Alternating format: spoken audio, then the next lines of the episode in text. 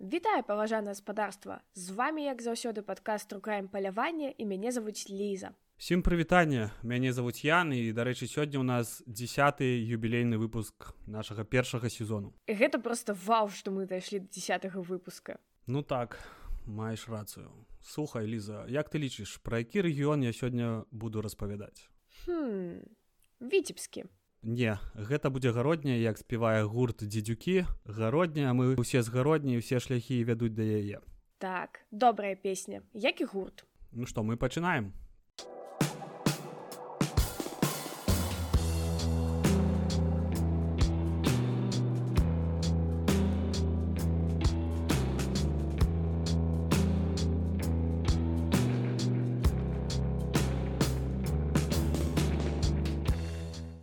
жыхароў абуткавага інтэрнату ў жніўні 1990 года паступае званок на дзяжурны пункт міліцыі з наступнай інфармацыі ужо працягваю час з вечара і да поўдня спакою тацяны осевай маладой маці чуваць дзіцячы плач. На грукані ў дзверы адказу ад гаспадыні таксама няма. На даны выклік прыехаў нарад міліцыі і зайшоў пакой. Быў знойдзены труп маладой жанчыны у прыбіральні На шыі знаходзіўся шнур ад праса, звязаны ў пятлю. Каля жанчыны сядзеў яе двухгадавалы сын. Пазней экспертамі было ўсталявана. Малыш правёў каля маці 16 гадзін. Падчас медыцынскай экспертызы былі знойдзеныя на шыі сляды ад пальцаў. Смерць наступіла ад асфіксіі. Следчымі было ўстаноўлена, што жанчыну забілі ў пакоі, а цела перанеслі ў прыбіральню і імітавалі самабуйства. Некаторыя падрабязнасці з матэрыялу следства. На падваконні быў знойдзены след ад абутку. Таксама жаночая бялізна была зрэзана ножом. Паказанні жыльцоў інтэрнату асаблівай інфармацыі не дадалі, але было ўстаноўлена, што ў жанчыны цягам часу былі рамантычныя стасункі з трымя мужчынамі. Следства ўзяло кожнага з іх у распрацоўку і тым самым паглыбіліся ў біяграфію самой тацяны. Першы брак у тацяны не атрымаўся. У маладых усё ніяк не атрымалася завесці дзіця. За гэта яе вельмі абражала свякруха. А пазней да гэтага давучыўся і малады. Вось што кажа сяброўка Інга Грышкевич, ты недаробленая, ты дзяцей нарадзіць не можаш, казала свякруха. Ад гэтага ў тацяны развіўся моцны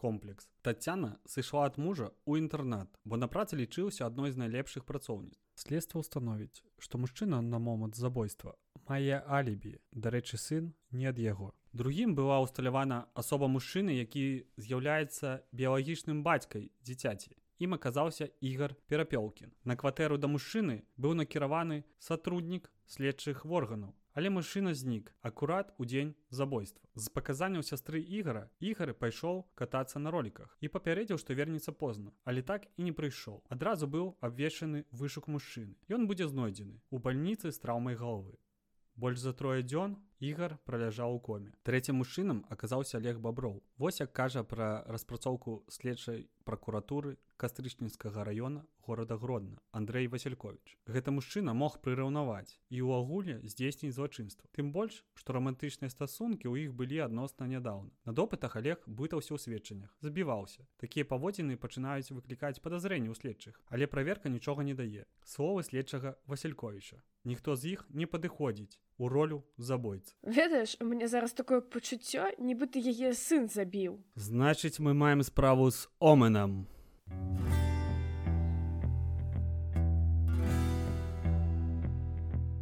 і тут сяброўка дае яшчэ важнае сведчанне дзеля следства. Што тацяна за некалькі гадзін да трагедыі пазнаёміцца з новым хлопцам. У той вечар яна попрасіла суседа даглядзець дзіця а сама выйшла на танцы. Было вядома толькі што гэты малады чалавек прыкладна 18-22 год яшчэ слоў сяброўкі было вядома імя михаил следчыя пачалі пошук з апытання супрацоўнікаў і частых гасцей дыскатэкі але вынікаў гэта не дало дапамог выпадак Суседка, якая бачыла Михаіла разам з тацянай, спаткала яго ў ремонце абутку. Вольга, так звалі суседку, распавяла пра сустрэчу следчым. І калі малады чалавек прыйшоў забіраць абутак, яго ўжо чакалі супрацоўнікі міліцыі. Затрыманым аказаўся 20гадовы Михаіл Маскалёў. У 1987 годзе быў асуджаны на тры гады ўмоўна за хуліганство. Спачатку на допытах Маскалёў адмаўляў знаёмства з тацянай, але праз нейкі час пацвердзіў знаёмства з ёй. З яго слоў. Пасля дыскатэкі я давёў тацяну да дзвярэй інтэрната. Далей мы з ёй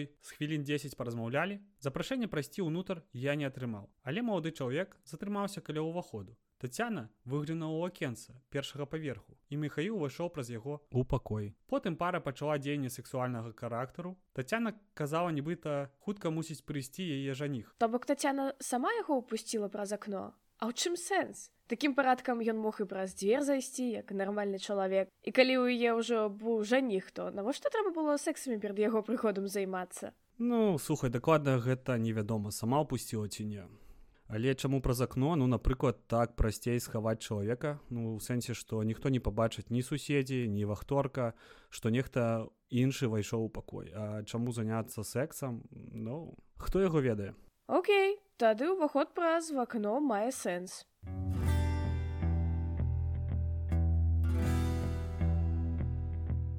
Каб прывесці яе ў пачуцці ён ударыў некалькі разоў яе па твары даонню Яна пакрыўдзілася, кажа следчы пракуратуры Василькович, пераказваючы слову падазронага. Потым па словах маскалёва. Ён зразумеў, што перагнуў і выйшаў у калідор, каб папаліць. Але там пабачыў мужчыну, ідучага нібыта ў бок пакоя забітай. Вось тут увогуле нічога не зразумела. Чаму ён яе ўдарыў?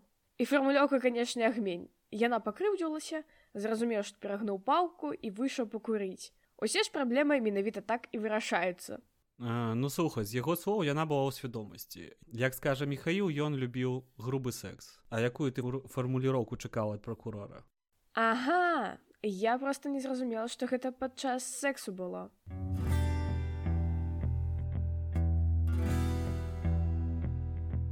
як пра гэтага мужчыну распавядаў следчым михаил мужчына моцнага цела складу з татуіроўкамі Магчыма адбываўшы кару ў месцах пазбаўлення волі ён зайшоў у пакой да татяны михаил выйшаў попаліў пастаяў з хвілін 20 на вуліцы а потым вырашыў вярнуцца ў пакой татяны осевай зайшоўшы ў пакой ён пабачыў вісячую татяну ў туалеце і збег следчыя зацікавіліся михаілам маскалём і пачалі правяраць яго сведчанні але ўсё сыходзілася вось што кажа другі следчы пракуратуры владимир соркі доказаў якія б сведчылі датычнасць маскалёва на той момант у следства не было За гэтага Михаіла Маскалёва адпусцілі, але падазрэнні так і засталіся на ім. Як апісвае вызваленне Михаіла следчы пракуратуры Владзімир Соркін. Калі яго вызвалілі з ізалятара часовага зместу, у яго паліліся слёзы. Ён літаральна рыдаў хвілін 5-7. Ён доўга не мог супакоіцца. Потым доўга дзякаваў следчым і сказаў падчас развітання. З-за гэтага знаёмства мне столькі прыйшлося перажыць. 5 верасня 1990 года Наталья Роска вечарам шпацыравала па горадзе. Ззаду на дзяўчыну напаў незнаёмец. Словы Наталлі падчас допыту. Схапіў мяне за горла, потым закрыў мне рот рукою, каб я не крычала. Наносіў мне ўдары кулаком і душыў. Дзяўчына супраціўлялася з апошніх сілаў. Злачынец дастаў нож і зрэзаў бялізну з ахвяры. Але на шчасце, мужчына, які праходзіў недалёка, забачыў дзіўную возню ў кустах і кінуўся на дапамогу. Злачынец пачаў уцякаць. Мужчына пабег за ім. Мінаку атрымалася затрымаць і заламаць руку незнаёмцу. Ім насустрач пад'ехаў патруль, які быў выклікан раней. А хто паспеў патруль выклікаць? Яшчэ сведкі былі? Ці сама Наталля выклікала? Або мо патруль на іншы выклік ехаў? Выклік зрабіла жанчына суседняга дому з першага паверха, дарэч, якая бачыла, што кагосьці збіваюць у кустах.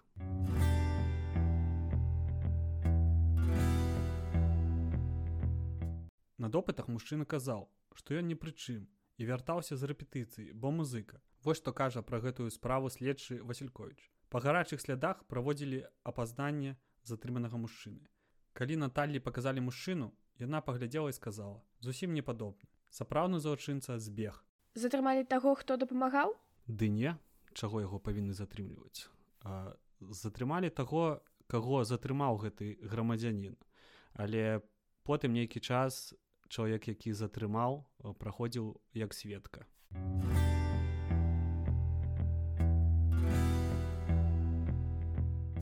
следства заўважыў аднолькавыя рысы паміж забойствамі і нападам у абодых выпадках злачынец душыў ахвяр зразаў бялізну ножом. Было прынята рашэнне аб'яднаць гэтыя справы Тацяна роска стала ценным сведкам побачыла злачынца і магла яго апазнаць дарэчы дзяўчына узгадала важную прыкмету злачынца. Градзенскі маньяк меў асветлены чуб. Таксама дзяўчына дала наступныя прыкметы следчым. На выгляд яму 20 гадоў, худы, невысокага росту, нізкія надброўныя дугі. Следчым было зразумела, што наступны напад не заставіць сябе доўга чакаць. Былі ўзмоцненыя патрулі вуліц горада, палепшаны кантроль на дыскатэках і танцоўных пляцоўках.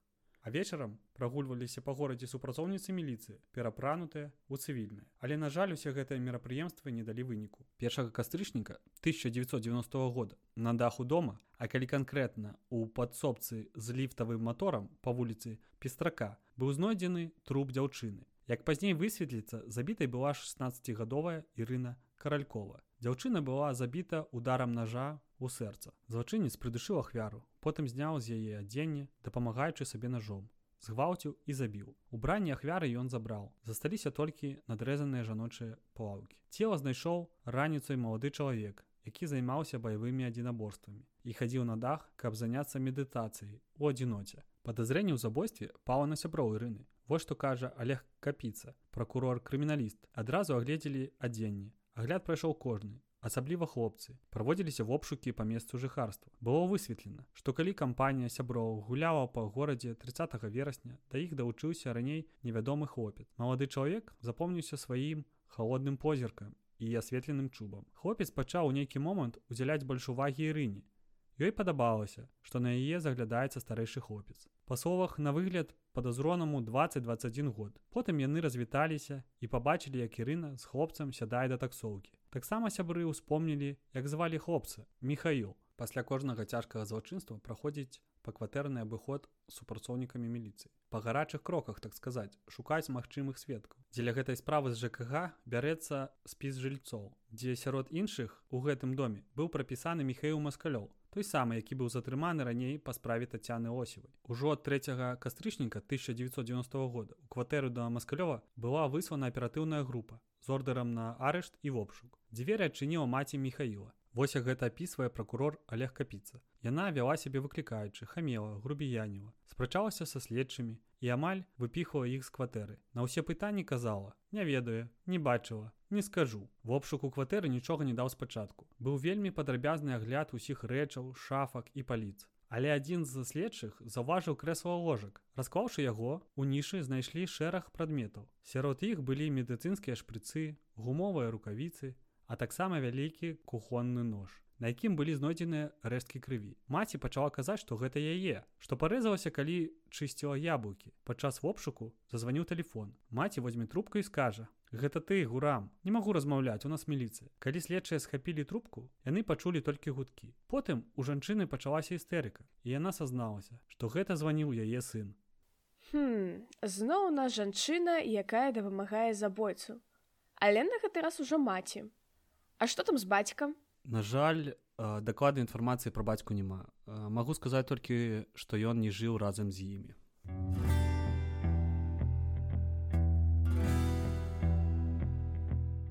калі следчыя выхадзілі з кватэры на двор каб правесці допыт маці ў ровд жанчына вельмі коротко але пранізна паглядзела бок склепу і хутка змяніла позірк. Але гэта заўважылі следчыя і пайшлі ў кірунку склепу жанчына пабегла наперад і стала перад дзвярыма іх каморкі следчыя адчынілі дзверы і знайшлі акрываўленыя рэшткі адзення пазней высветліцца што медыцынскія рэчы маскалёў скраў з градзенскай жаночай кансультацыі а рэшткі крыві на нажы належалі ірыне каральковай як і акрываўленае ўбранне Маскалёў абвесілі ў всесаюзны вышук. Але ўжо пра сем дзён Михаіл сам выдасць сваё месцазнаходжання новым крывавым эпізодам. Маскалёў выехаў цягніком з гародні ноччу другога кастрычніка. Прыехаўшы ў калугу, каля буфету пазнаёміцца з пажарным, шыракоўскім. Леонид прапанаваў хлопцу паехаць да яго ў Облінск. Яны зрабілі патрэбныя закупы дзеля імпрэзы, разлічыліся талонамі. Было запланавана, што дзяўчына Леоніда Тацяна возьме з сабою сяброўку, але гэта не атрымалася.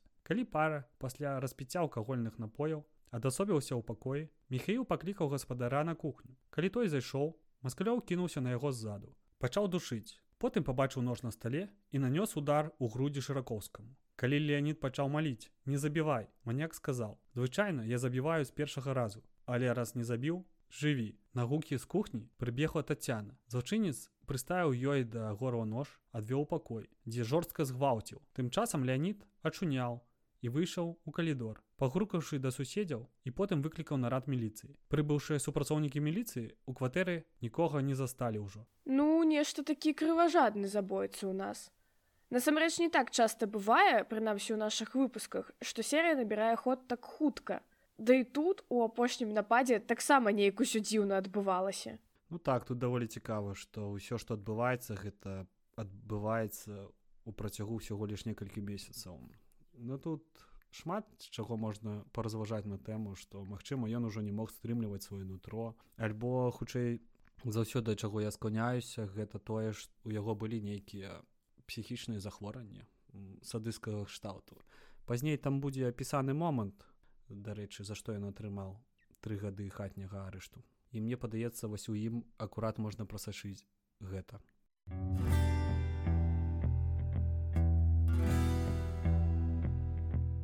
Праз нейкі час у міліцыю ад мінакоў паступіла наступная інфармацыя. Каля чыгуначнай станцыі ідзе дзіўная пара, дзяўчына у мужчынскім убранні і хлопец. Яе моцна трымае за руку. Асабістая прыкмета пафарбаваны чуб. Было прынята рашэнне сцягнуць патрулі да станцый і бліжэйшых жывых дамоў. У нейкі момант супрацоўнікі заўважылі пару.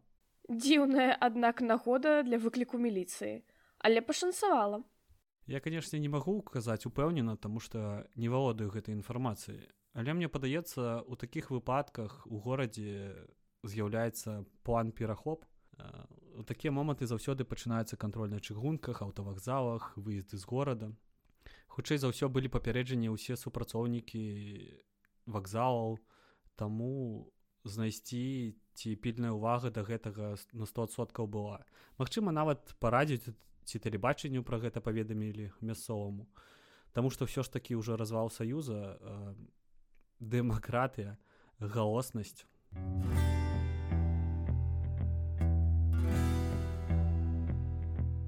Пабачыўшы міліцыянераў маскалёў кідае закладніцу і ўцякае ў падземны пераход. Але ў пераходзе на сустрач выйшаў патруль. Маньяк паспрабаваў выскальзнуць але ў яго гэта не атрымалася. Зрабіўшы запыт па месцу жыхарства Михаіла Маскалёва, міліцыянеры даведаліся пра два забойствы і справу гвалту ў гародні. Калі Михаіла перавезлі ў гародню, з ім пачалі працаваць следчыя.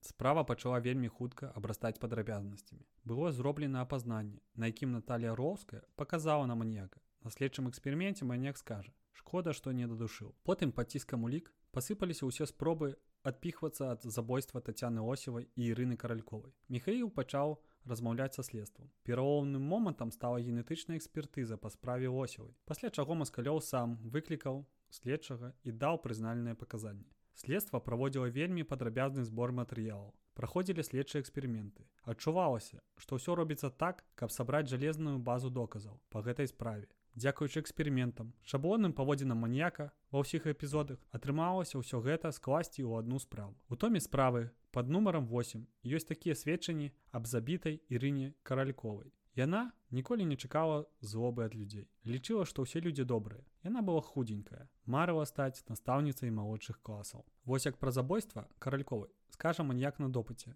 першага лістапада. Што датычыцца забойства каральковай, я быў псіхалагічна падрыхтаваны.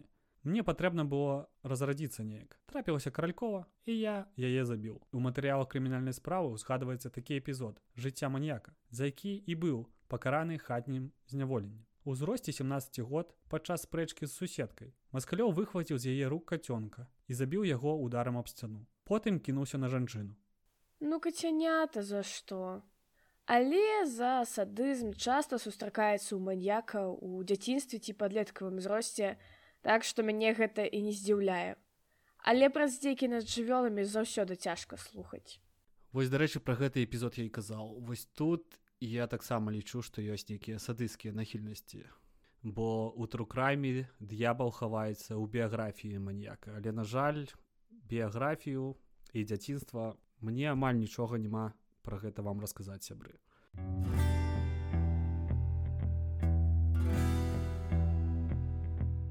З вынікаў судебна-медыцынскай экспертызы па справе Ірыны каральковай убранне было парэзана вострым прадметам знойдзен свежы разрыў некранутай плеўкі а таксама сляды мужчынскага семені якія належалі михаілу маскалёву за распаду ссср справа была падзелена Два забойствы і справа гвалту былі пад юрысдыкцыяй гарадзенскіх следчых, а справа спробы забойства і гвалту у кватэры шыракоўскага перайшлі да расійскіх калег. Цікавы момант падчас вопшуку ў кватэры шыракоўскага з-за кухоннай шафай быў знойдзены чырвоны аталс ССР, які належаў маскалёву. У гэтай матасе стаялі крыжыкі каля гарадоў баранавічы, ашмяны і паміж каугай і обнінскам. Следства атрымалася высветліць, што ў гэтых гарады маскалёў быў у камандыроўках па працы але больш інфармацыі пра гэтыя крыжы не знайшлі цікава як гэты атлас за шафу потрапіў маскалёў сам яго там схаваў? Можа і сам а можа проста знайшлі ў яго ў рэчах а для дадання містычнасці сказалі што за шафаю. Але ўвогуле гэтую інфармацыю я знайшоў не ў самай аўтарытэтнай крыніцы таму магчыма увогуле ніякага атоса не было. Але мне падалося цікава гэта дадаць у выпуск. а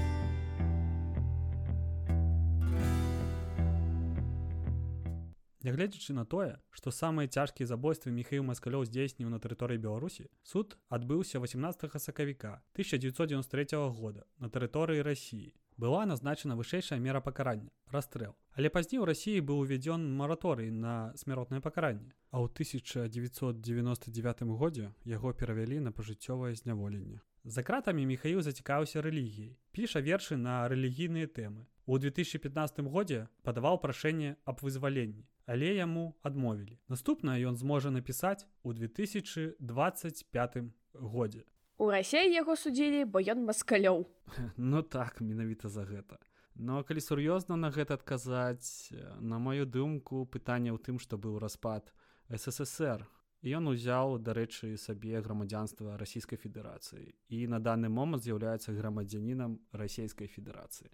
А ці ёсць хоць штосьці пра яго дзяцінства ці вядома толькі той эпізод з суседкай Як я і казаў пра дзяцінства вельмі мала інфармацыі вядома толькі што ён нарадзіўся ў гародні сёмага кастрычніка 1970 -го года. Увогуле інфармацыю пра беларускіх серыйных забойцаў вельмі цяжка шукаць. Увесь выпуск збіраеш проста па нейкіх кропельках і з гэтага робіш выпуск. а